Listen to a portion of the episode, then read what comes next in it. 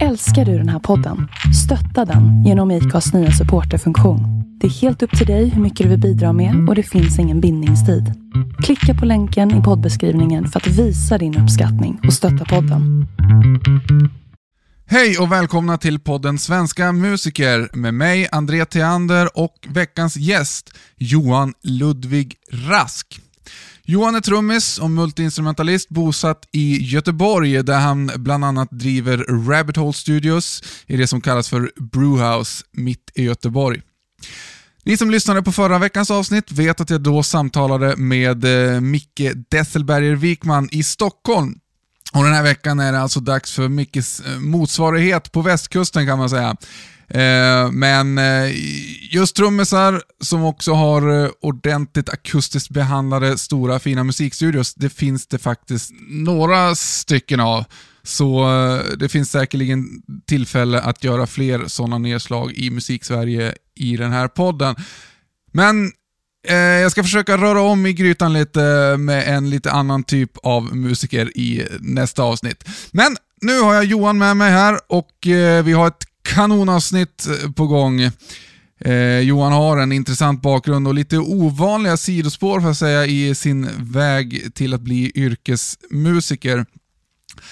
Han har utbildning inom eh, skådespeleri och marknadsföring också bland annat, eh, som är lite ovanligt för en frilansmusiker. Kanske. Jag inbillar mig det i alla fall. Så vi pratar lite om det och vi pratar såklart om det senaste året som har varit eh, väldigt speciellt samt mycket annat intressant. Så nu tycker jag att vi drar igång veckans avsnitt.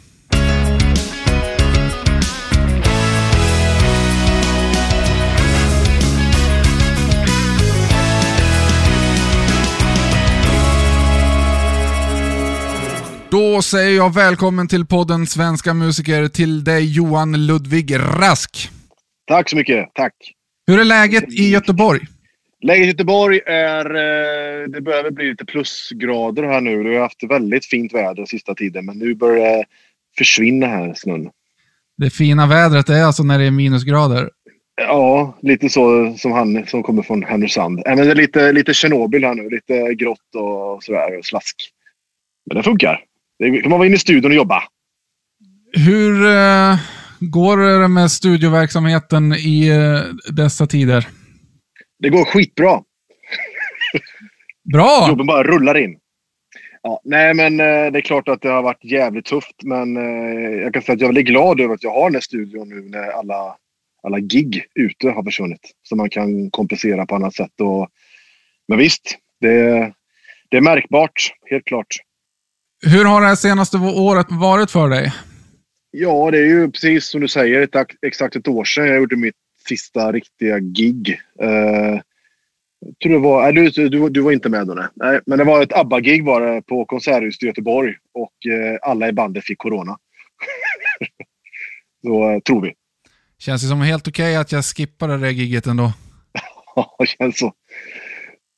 ja, nej, det här året har varit väldigt speciellt, eller förra året. Det var väldigt speciellt. Man fick verkligen ta fram eh, typ uppfinningsrikedomen och entreprenörskapet i en för att överleva. Börja bygga trummor och eh, hitta nya konstellationer och nya samarbeten och nya gig eh, i, i skogen och saker där, där folk kunde komma och lyssna och eh, spela i kyrkor. Och, det har varit väldigt mysigt också såklart. Men eh, det var tufft. Och just det här när det fortfarande håller på. När man trodde att man skulle spela nu i vår och sen så försvinner väldigt mycket där också. Då blir det att man får börja om på från noll igen. Det är rätt sikt. Men någon gång lossnar det väl? Vad tror du, André? Ja, eh, det tror jag. Men man vågar ju liksom inte hoppas på någon, någon särskilt datum eller sådär, utan det får ju bli när det blir. Ja, så är det ju. Eh, men eh, ja, vi klarar oss väl än så länge. Vi kan ju sitta här och prata med varandra till exempel.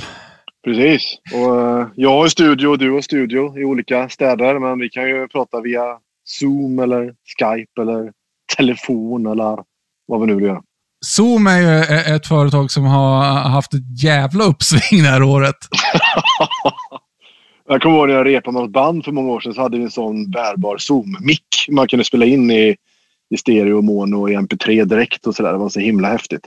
Det känns som att de har utvecklat sin verksamhet ganska mycket. Om det nu är samma företag, jag vet inte. Det låter likt. Ja, ljud. det är inte dumt. Jag jobbar med ljud. Ja, ja. Eh, ska, har du lust att, att, berätta lite om hur du började spela trummor? Det kan jag göra. Eh, jag började ganska sent eh, spela trummor. Eh, för gitarr var väl egentligen mitt huvudinstrument fram till jag var 15. Kan man säga. Så eh, runt 15-16 års åldern så började jag lira trummor. Eh, eller egentligen var det så här faktiskt när jag tänker efter. Min kära far köpte trumset till mig när jag var typ 6-7 år. Eh, och i Mariestad där jag kommer ifrån. Men jag spelade typ ett halvår, sen tröttnade jag. Lyssnade på massa hårdrocksplattor och så spelade jag med. Men jag tyckte väl att det var inte så himla kul. Utan då började jag spela gitarr istället. Men sen vid 15-årsåldern då började jag känna att shit, det här är ju skitkul. Eh, och det lät mest av allting.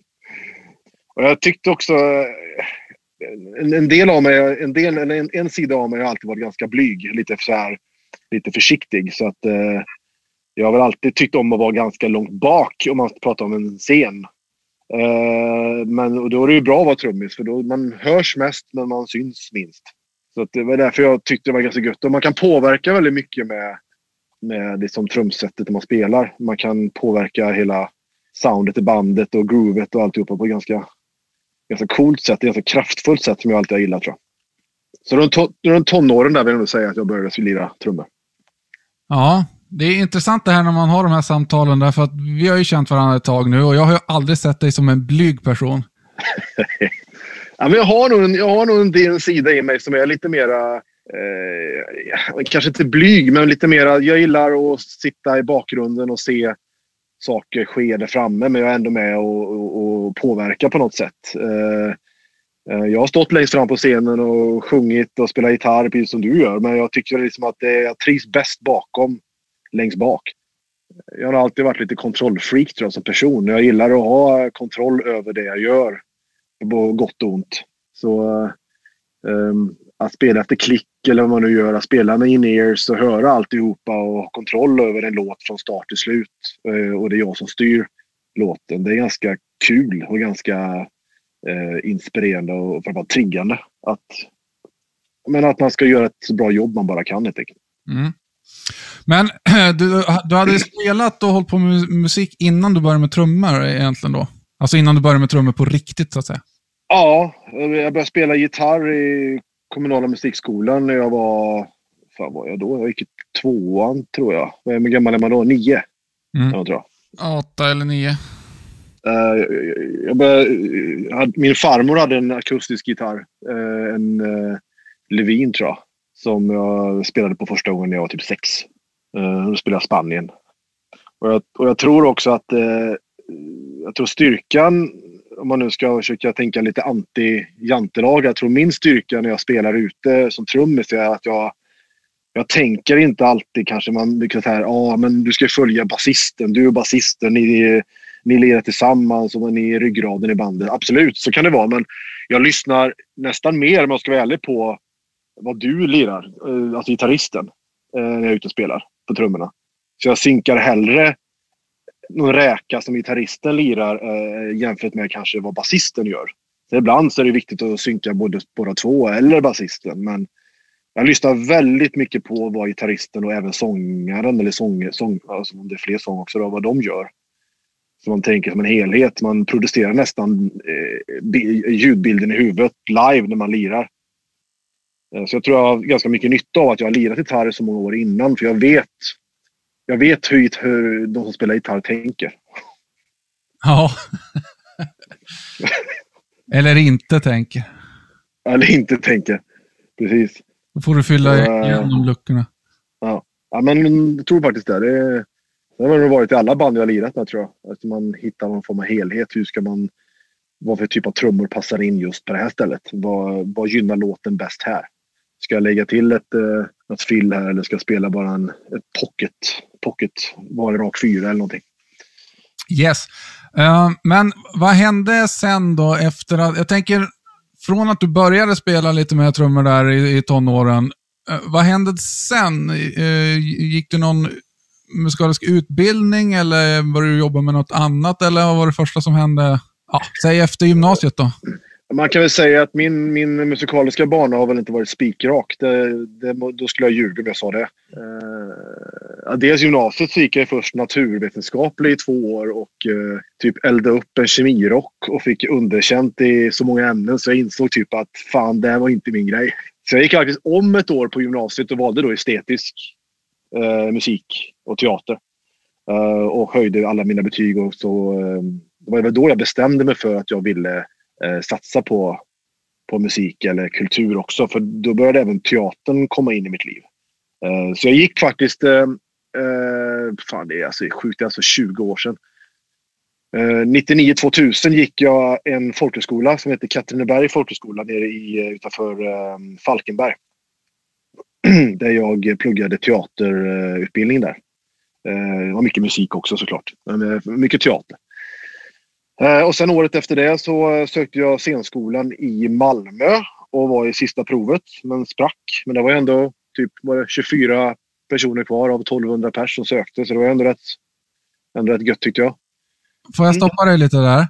Ja, just, visst. Det här är ju någonting som jag alltid glömmer bort om dig. Hade du en lite skådespelarkarriär på, på gång där? Absolut. Ja. Uh, för sen efter jag hade sökt scenskolan, då kom jag in på Skara skolscen. Som, uh, så jag har bott i Skara i två år, där du också har hängt en del. Uh, så jag gick ju Skara skolscen som är en jättebra teaterskola i Sverige. det var väl tänkt att bli Sveriges fjärde scenskola ett tag, om jag inte minns helt fel. Men jag saknade musiken. Alltså, teatern har gett mig jättemycket och jag har fortfarande en del av teatern kvar när jag gör en del föreställningar och sådär ute. Eh, och, men jag saknade musiken alldeles för mycket. Jag kom på mig själv när vi satt och gjorde Anton Tjechovs Tre systrar. Jag kommer ihåg att vi och spelade typ dubbeltramp eh, i logen och spelade på flaskor och grytlock och sådana saker Så mina kollegor var helt vansinniga till slut. Så jag insåg väl typ att ja, men det är nog någonting som fattas i mitt liv just nu. Så eh, 2002 så flyttade jag till, eh, till Göteborg. Eh, började lira i band ganska mycket uh, mitt första band som trummis i Göteborg. Uh, och sen 2004 så uh, sökte jag Musikhögskolan och kom in. Och samtidigt som jag läste musikvetenskap på Göteborgs universitet, ABC. Så jag har skrivit en C-uppsats i hur clicktrack påverkar musiker. Hashtag nörd. Vad kom du fram till där då? Men jag gjorde en empirisk undersökning. Jag intervjuade typ 20 musiker från olika genrer.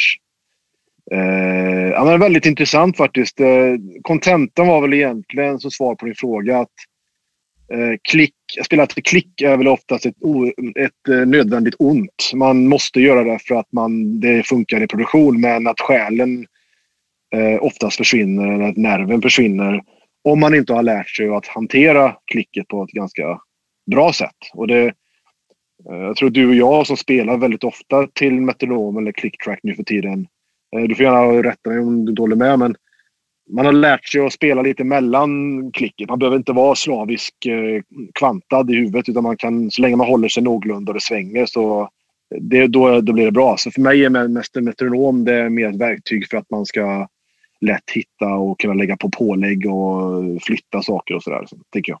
Ja, speciellt i studioproduktioner. Då är det ju ganska tråkigt att inte ha utgått ifrån något klick, kan jag tycka.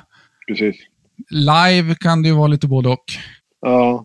Och det är du som gick studiemusikutbildningen i Piteå. Ni måste ju ha haft ganska mycket alltså, kunskap eller ni måste ha haft mycket erfarenhet av det under utbildningens uh, gång där kan jag tänka mig i och med att det är en vanlig grej. Ja, vanan att spela efter klick ja. Ja, precis. Ja, så är det ju. Men det är också alltid trummisarna som är mest drabbade av detta fenomen. Precis.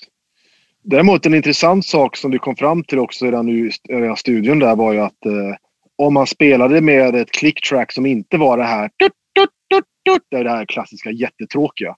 Utan kanske hade en koklocka eller man hade någon hi-hat eller någon annan. Någon som sa liksom så här hej, hej, hej och sån här loop. Så det gjorde att folk faktiskt fick det att svänga för det blev liksom metronomen någon form av en, av en eh, perkussiv grej. Ungefär som en koklocka som kör på varje grej. Och så kunde man lira till den.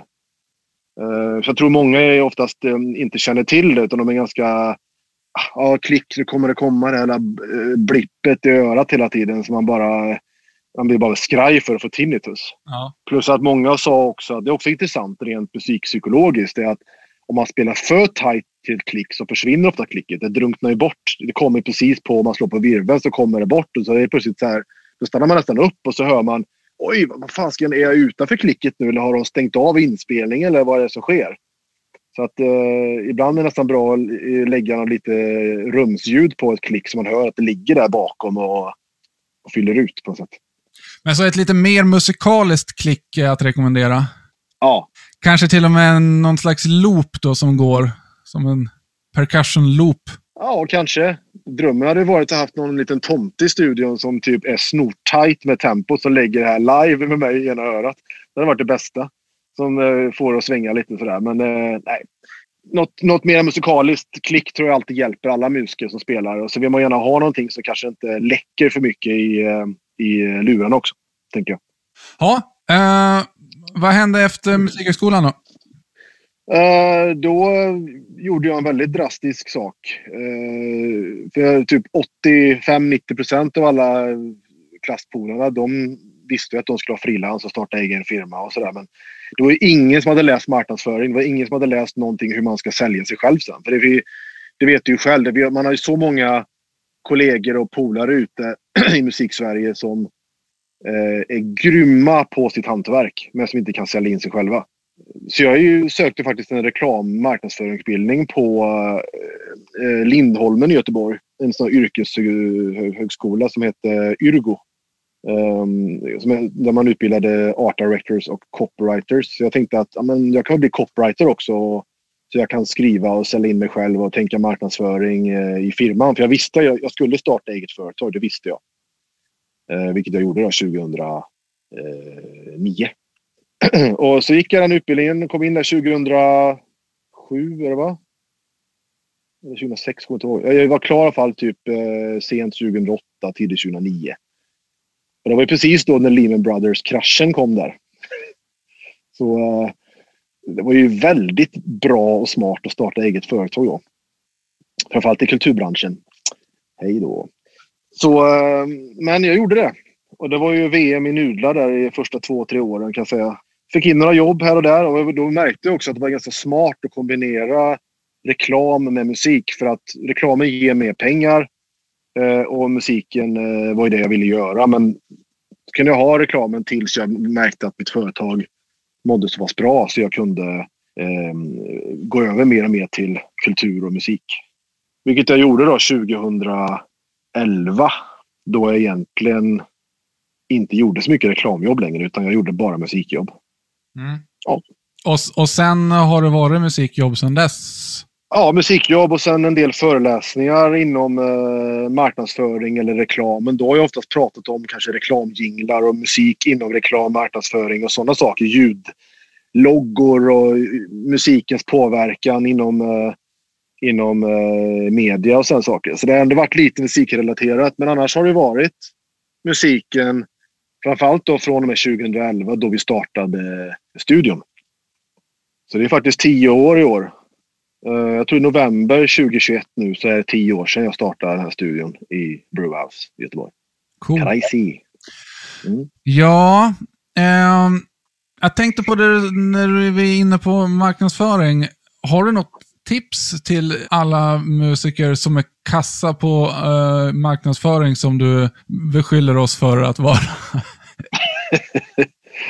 ja, inte för att jag har svart bälte i det, men eh, nej, men jag tror att eh, jag kan säga så här att typ, sociala medier som Instagram och sådana saker har gett mig jättemycket jobb och kontakter som jag verkligen har haft nytta av nu när coronaträsket har kommit. Så att jag tror att man måste det handlar väl om att vara, vara, vara ihärdig och ha en kontinuitet, alltså fortsätta hålla på hela tiden. Det är lite som eh, ja, men man brukar kalla om den här, den här gyllene treårsregeln. Att man har ett band, ger det tre år. Händer ingenting efter tre år, kanske byt, testa något nytt. Liksom. Eh, ett företag, ger det tre år. Har, inte, har, har du inte gjort en vinst efter tre år, då kanske det är dags att byta verksamhet. Det är samma sak med, med, med marknadsföring. Håll på så här i, under tre års tid och bara lägg ut saker hela tiden tills du märker att du har byggt upp någon form av en, av en eh, kunddatabas. Och då börjar det funka. Och det är det jag tror att så många... Alltså jag drar verkligen inte alla över en, en kam nu, men det är verkligen så här. Många av jag känner som är superbegåvade musiker Eh, som inte håller på med det längre på grund av att de inte kan försörja sig på det. Det är också mycket på grund av att de är de orkar inte. De orkar inte tänka den här treårsregeln utan de kör ett tag och så märker de att äh, men det, det funkar inte. Jag skiter i det här nu. Och så blir de, pluggar de om, skolar de om sig till IT-tekniker eller programmerare eller jobbar på något annat. Och fine, det är väl okej. Okay. Fine. Men jag tror, jag tror att det är viktigt att man, är, att, man är, att man har en kontinuitet, att man hela tiden tänker att jag måste hålla igång det här. Det är ett varumärke. Du är ett varumärke, jag är ett varumärke och det måste vi på något sätt eh, eh, hålla igång. För folk, om jag slutar och, och, gör reklam för mig själv, då kommer folk glömma bort mig på två timmar, kan jag lova dig. Det finns alltid någon annan som kan ta min roll. Det finns alltid någon annan som kan hoppa in och lägga de här trummorna eller spela in de här sakerna. Så det är också viktigt att tänka, vad är det som är unikt med det jag säljer? Vad är det unika jag har? Eh, jag har det här, jag har det här. Jag har massa virvlar, jag har massa trummor, jag har med sound, jag kan göra det här. Det är väl det jag får sälja in på i så fall. Ja, men det är speciellt för det är ju inte helt självklart att bara för att man är grym på musik, att man liksom har, har den där entreprenörsandan och, och kan snacka för sig. Ja. Det är ganska svårt. Och det, det Absolut. är bara att gå till sig själv. så vet man ju att det är så. Så är det. Absolut. Och då är det viktigt att man, eh, att man hittar just sin metod. Eh, för att alla är olika och alla har sina metoder att gå på. Men sen om man testar de här, det här liksom, eh, alltså trial and error-tänket så hittar man vad är just bra för dig. Okej, de här sakerna funkar för dig. Ja, men kör dem då. Kör dem med järnet om det funkar för dig. Men att jag kanske har andra metoder som inte funkar alls på dig. Men det funkar för mig för att vi är olika personer. Och det, det är så det är. Och det är det jag tycker är så härligt med det här yrket som musiker. Att man spelar med så otroligt många olika människor med olika personligheter, med olika spelstilar, med olika typer av mentalitet. Och det är då det blir intressant. Det är då det blir coolt. Det är då, det blir, det är då, det blir, det är då det får, man får, får den nerven som gör att en tagning kan bli helt jävla magisk. Faktiskt. Verkligen. Men om vi stannar kvar lite på den här marknadsföringsbiten. Jag är lite nyfiken på de här tre åren. Uh, man ska liksom våga hålla på i tre år innan... Uh, fast det handlar om... Man, man måste tro på det själv för det första då. Ja. Och sen ska man bara gnugga på med det som man verkligen vill i tre år. Och funkar inte det, då får man eh, justera någonting. Ja, men lite så här. Jag brukar tänka så här att man har, en del jobb man har är ju mindre roliga än andra. Det vet vi om, eller hur? Det gäller både gig och det gäller inspelningsjobb. Men alla jobb är jobb och man är tacksam för dem man har. Framförallt i dessa tider då där allting är så... Ja, det har minskat så mycket allting. Men jag brukar alltid tänka att jag ska hela tiden ha någon form av grej i min verksamhet som jag verkligen tycker är så jävla roligt. Alltså där min egen konstnärliga ådra får komma fram. Det kan vara Eh, det kan vara om jag spelar trummor i ett prog metal-band eller vad det nu kan vara. Alltså någonting som jag verkligen älskar att göra. Där jag får utmana mig själv och spela någonting som verkligen... Typ, jag kan ha tio lyssningar på Spotify på en månad. Jag bryr mig inte om det. Jag gör det bara för att jag tycker att det är jävligt gött. För då får jag energi och kreativitet att lägga, kanske bli en ännu bättre trummis eller musiker när jag ska lägga sessionjobb för kanske mera kommersiella grejer eller saker som har mera lyssningar på Spotify. Så jag, för jag tror att många gör det här misstaget att man, att man släpper sin egna konstnärliga ådra och drömmar helt för att man bara ska överleva. Mm. Uh, och jag tror det är viktigt att man hittar en symbios där, en, eh, en balans. Nej, men verkligen. Jag känner igen det du säger. Det där. Att, alltså, ibland får jag stanna upp och fråga mig själv varför jag gör det jag gör. Och, och att, mm. att man inte glömmer bort det eh, i allting. Eh, liksom att man, att man hela tiden har något, något projekt som man verkligen brinner för. Eh, för, för man ska inte fastna i att man bara ska drivas av Alltså, man behöver ju ha någon slags strukturerat upplägg och kunna jobba liksom men man får inte heller tappa bort den där gnistan och, och det där som man brinner för. Alltså de projekten är ju, är ju superviktiga. Precis, absolut. Steve Vai sa ju en eh, intressant sak där. Han, när han gör en platta, då, då säger han att han tänker att om han gör det som han vill och det han vill höra och han tänker att eh, redan på förhand kan han tänka att okej, okay, ingen kommer att lyssna på det här. Vad är det jag, vad, vad, vad, skulle jag göra för platta om jag visste redan på förhand att ingen skulle lyssna på den? Mm. och det är liksom det han gör då. Uh, för att då gör han någonting som han älskar så mycket själv. Så att, och sen gör han det naturligtvis så bra också så att andra kommer vara intresserade och vilja lyssna. Men eh, det är en intressant eh, utgångspunkt. Precis, och det är lite samma sak som en stor idol till mig, som alltid varit en stor idol till mig. Han har faktiskt spelat med Steve Vai när han var 18 bast och det är ju Devin Townsend. och han har ju kört sitt race i alla år. sedan han slutade med att sjunga i i Vice band där. Eh, I mitten på 90-talet. Eh, eh, det här, det här vet du, Young Strapping Lads, vet du, de här, som han, han la ner 2005 och sen kör han ett eget projekt. Och han har gjort allt ifrån typ musikaler om eh, konstiga aliens och allt möjligt. Liksom. Men det, han kör sitt race och nu har han äntligen byggt upp en fanbase som är enorm. Så att han har, det kan man verkligen säga någon som har gett eh, sin vision mer än tre år kan jag säga. Så att eh, det gäller jag har den här floskeln som vi kan säga, att har en osviklig tro på det man, man, som man tror på. Och Det är ju så det är. Man ska ha en osviklig tro. Och det är svårt. I dessa tider så är det jäkligt svårt. Och så många av våra kollegor har ju kastat in handduken för länge sedan. Ja. Eh, vill du börja lite från början om din studio som du har i Göteborg idag? Hur eh, började den? Nej, men jag och eh, min eh, kollega Jonas Oresten, eh, gitarrist och låtskrivare, skitduktig. Vi träffades egentligen 2003 när vi lirade ett band för länge sedan. Shady Lane och lite soul, soulpop sådär. Men då hade han fått nys om den här lokalen i Brewhouse i Göteborg. 2011 där, en kille som skulle flytta härifrån. Och, vi, och det var liksom flytande golv redan draget här och, och klart. Så det var egentligen bara att flytta in och vi skulle fixa resten av det akustiska materialet. Så 2011 där så skrev vi på kontrakt då, eh, i Brewhouse. Och eh, det var ju treårskontrakt via Higab. Så det var ju, visste vi ju att det här är en investering nu i minst tre år. Det är de där magiska tre åren då? Ja, just det. Ja, ja du ser. och, eh, så vi byggde upp då och på den tiden så spelade Jonas och jag, eller vi började lira ett nytt band som heter Seaweed Meadows. Som var ett indiepopband. Eh, eh, så vi började satsa ganska hårt på faktiskt.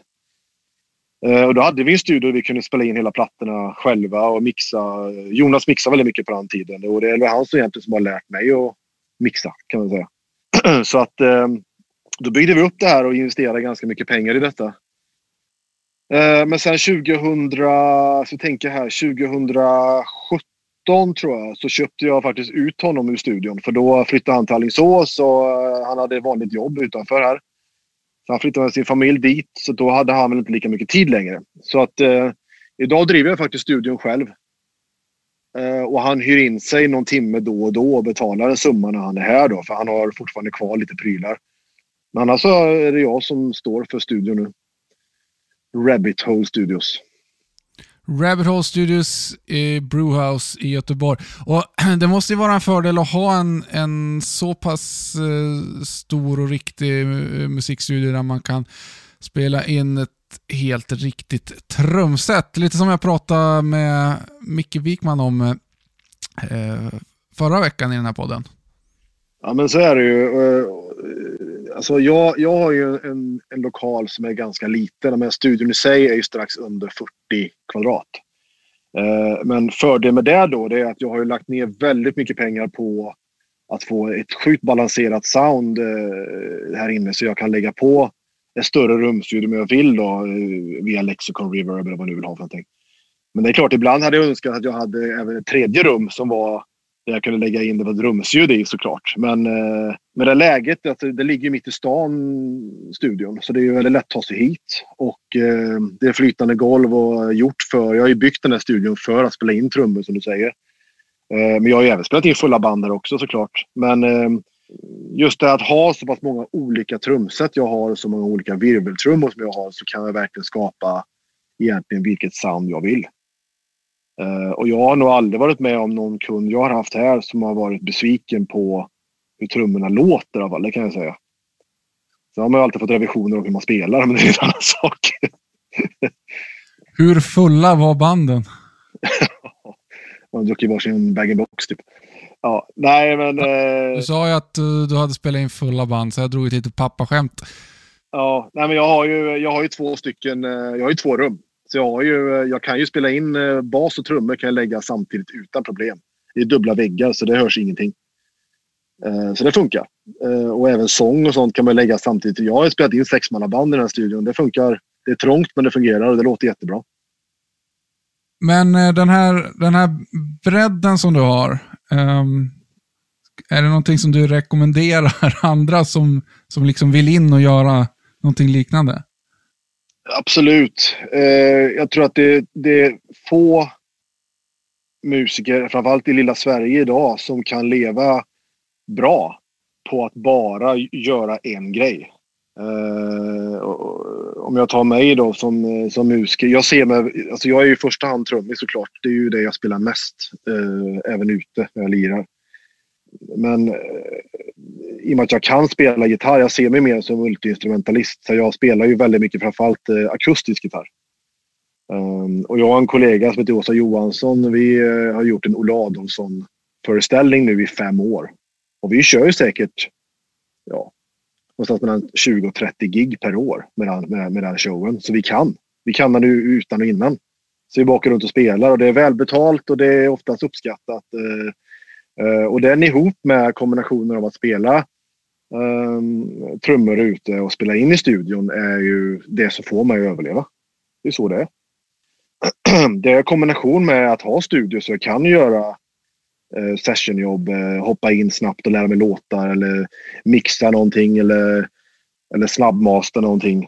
Men de kombinationerna är ju där. Det är det som får mig att överleva. Och det som fått mig att överleva nu under dessa tider att jag har studion. I och med att alla gig försvann så kan jag i så fall sänka priserna. Så jag har haft coronapriser nu i studion som gör att jag helt plötsligt har fått in jobb. Men visst, man får ju inte in lika mycket pengar men man kanske skapar nya kontakter i alla fall.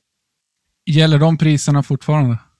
Ja, det gör de ju. Så länge coronan är kvar så uh, gäller ju de priserna. Så att, uh, vill ni ha billiga trummor ska ni fan spela in hos mig kan jag säga. Det blir inte mycket billigare än så.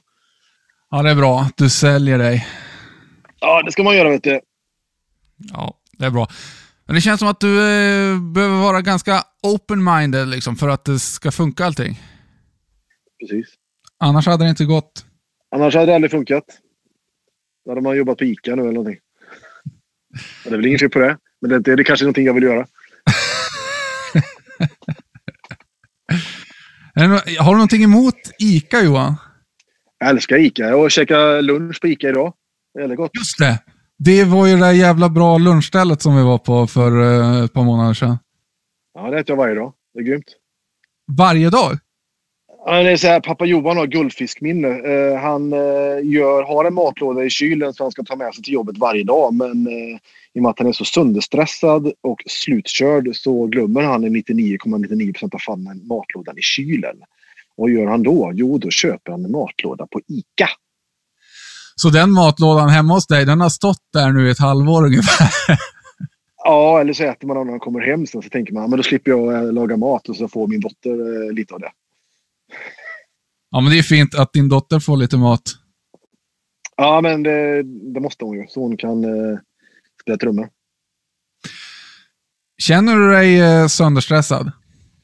Ibland, absolut gör det. Eh, men som jag sa förut, jag tror att jag, jag har väl ett kontrollbehov och när jag inte riktigt har kontroll över läget och känner att allting bara svävar då det finns det bara två lägen i mig. Det ena är att jag blir lika flummig själv och bara eh, säger att whatever, det löser sig. Sen flyttar ut i en koja och softar. liksom. Men eh, den ena sidan i mig som vill överleva tänker ju mer att hur fan ska jag få till det här nu? Jag måste ha koll på läget.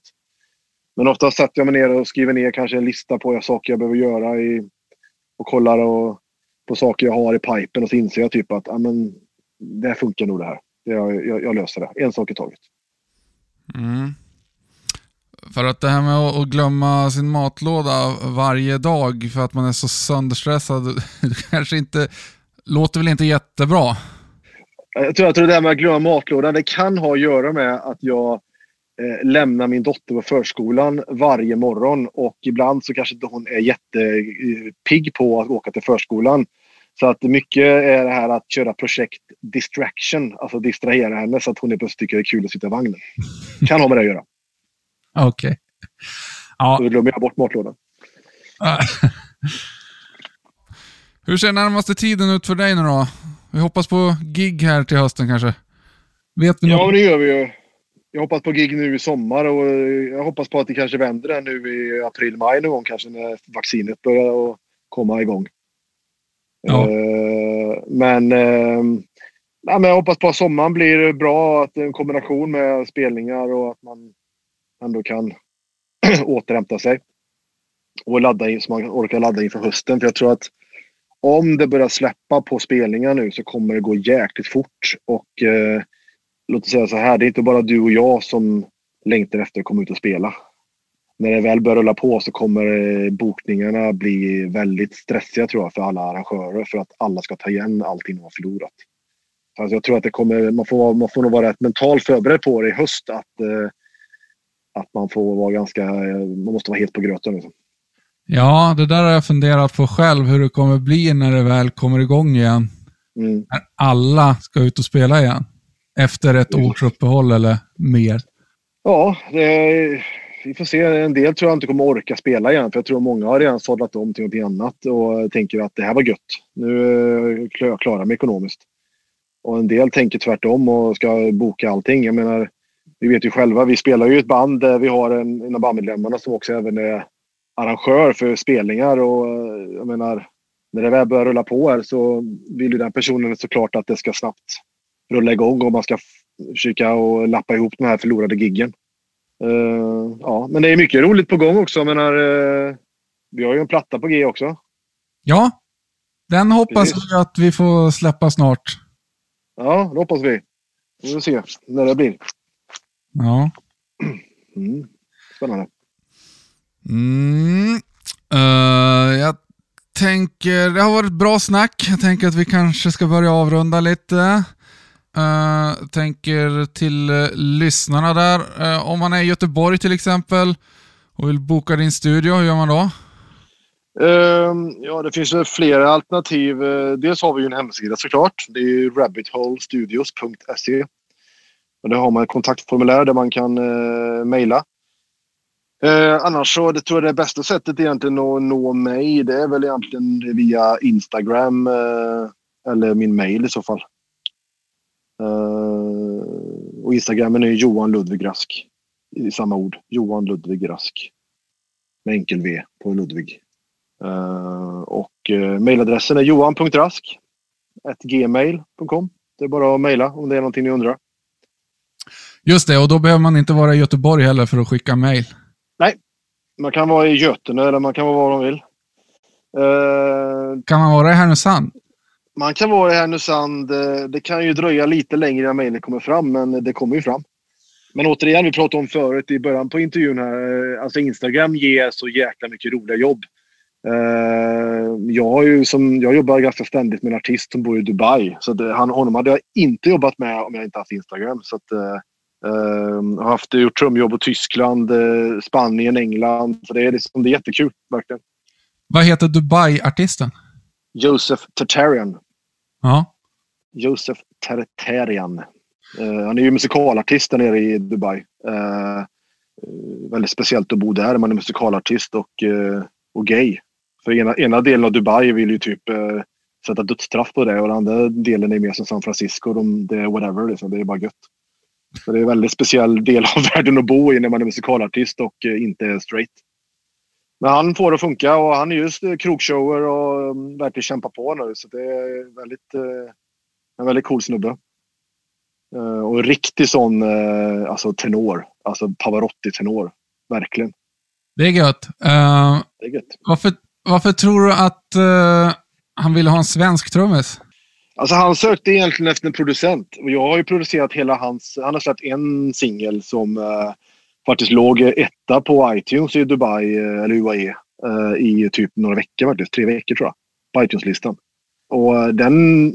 Han hade ju typ inga pengar som vanligt. Han hade typ, jag tror han... Fan var han? Jag tror han, jag tror han, jag tror han fakturerar mig 600 dollar tror jag, för hela produktionen. Och då spelar jag trummor, bas, gitarr. Har arrat alla stråkar, eh, körarrangemang och han lägger sången då i Dubai och skickar till mig. Och sen har jag mixat och så har jag gjort mastrat alltihopa. Så det är en, det är produktion i studion. För att han skulle spara pengar. Uh, så var det därför han hörde av sig till mig. För han hade hört någonting som jag hade släppt på Instagram och på YouTube. För han gillade, han älskade soundet på det. Och så ville han att jag skulle göra hela, hela hans produktion på hans låt. Beautiful Mystery som heter. Uh, så det är coolt som man kan göra nu idag. Tack vare teknikens under. Ja, det är coolt. Eh, vi säger tack så mycket till Johan Ludvig Rask för att du ville gästa den här podden. Och tack till dig som har lyssnat såklart. Eh, om ni vill komma i kontakt med Johan eller med mig för den delen så lägger jag lite länkar här i poddbeskrivningen. Eh, mig kan ni alltid hitta på Instagram till exempel. Sök på André Theander, bara André med två E, Theander med TH. Eh, för övrigt så får ni gärna eh, rata den här podden. Ni får gärna ge ett litet betyg. Eh, det är alltid till stor hjälp. För övrigt så hörs vi här igen om en vecka. Tack och hej!